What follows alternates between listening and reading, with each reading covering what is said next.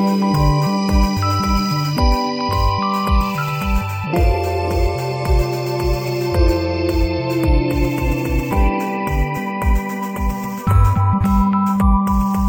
hälsar vi välkomna till Mikropodden. Jag heter Jakob. Och jag heter Peter. Hej Peter. Hej. Idag tänkte jag att vi ska prata om ett väldigt mundant och lite perifert ämne, nämligen parafraser. Mm, men kul. Men roligt, verkligen. Det finns ju i alla fall stora möjligheter att skapa humor genom att ändra lite putslustigt på en titel för att ge den en mera drastisk eller aktuell betydelse. Ska vi säga någonting om vad en parafras är? Det tycker jag för säkerhets skull, så alla hänger med. Vill du dra? Ja, den enklaste förklaringen är att man helt enkelt man refererar till någonting, någon mening eller någon sats eller något, någon titel och sånt där som redan finns. Men, men ändrar den lite för att få fram en, en smart eller en komisk eller en effekt av något slag. Låter det, låter det någonting du kan skriva under på? Det låter väl som jag kan skriva under på. Jag har, eh, jag har faktiskt med mig ett, massa exempel på parafraser som du ska få betygsätta efter eh, hur bra de är, hur lyckade de är. Men innan vi gör det så tänkte jag att vi kan röna, reda ut vad som gör en parafras lyckad eller misslyckad. Och jag tänker lite grann så här att det ska, vara, det ska ju vara tydligt vilket, om vi, om vi tar titlar då för enkelhetens skull Ja. så tänker jag att en, en lyckad parafras ska dels vara uppenbart vilken bok den eh, syftar på. Alltså vilken annan tidigare titel den syftar på. Och den ska också liksom ingå i ett samtal med den boken. Kanske vara en kommentar på boken. Så att om en, om en titel är en parafras på en annan titel så ska den nya titeln också ha någonting med den titel som den parafraserar att göra. Ja, precis. Annars glider man ju bara på, på någon sorts jag vet inte vad säga, berömmelse av den boken. Just det, för det kan inte bara vara en putslustighet. Det måste också ge det egna verket någon sorts eh, tyngd eller ingå i dialog med det gamla verket. Det här låter ju lite rörigt. Jag kan ta ett exempel på en parafras som jag tycker är väldigt bra. Och det är Ebba Witt-Brattströms bok den, eh, Århundradets kärlekskrig som kom väl för något halvår sedan eller sådär.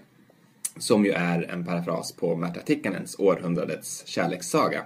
Och jag tycker den här är lyckad därför att den går i dialog. Den har ju ett liknande tema. Det handlar om två stora konstnärer kan man säga. Det gör ju också Märta Tikkanens bok om sitt förhållande med Henrik Tikkanen, finska konstnären. Men det är ju ett äktenskap fyllt av problem. Eh, och jag antar att Ebba Witt-Brattström kommer till en annan slutsats kanske än Tikkanen och därför väljer att använda ordet kärlekskrig istället för kärlekssaga. Men det är uppenbart att Ebba Witt-Brattström ser sin bok som besläktad med Tikkanens bok. Det var lite om en bra parafras. Ska vi köra helt enkelt några andra och så får du eh, betygsätta dem. Ska vi säga att vi gör så här? Du ger ett, eh, ett betyg i 1 till 5 och dessutom en liten kommentar om eh, vad du, varför den är bra eller dålig då. Etablera ett betygssystem så kör vi. Mm. Då tänkte jag börja med Kardemummas senaste bok Rapport från en ishink som är då en parafras på Maja Ekelöfs arbetarklassiker från 1970 Rapport från en skurhink.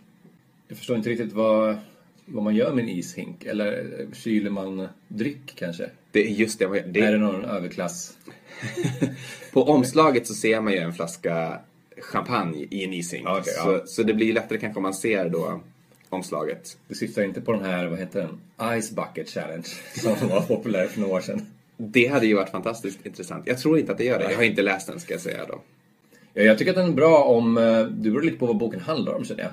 Om, eh, om det är någon sorts skildring av, av överklassen som, som man kan eh, koppla till Rapport från en skurhink så, så, så ger den ganska bra betyg.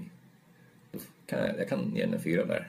Okej, under de förutsättningarna. Under de förutsättningarna. Att det inte är någon, jag vet inte, någon Snabba Cash-historia. Det är kanske inte så glorifierande heller. Men...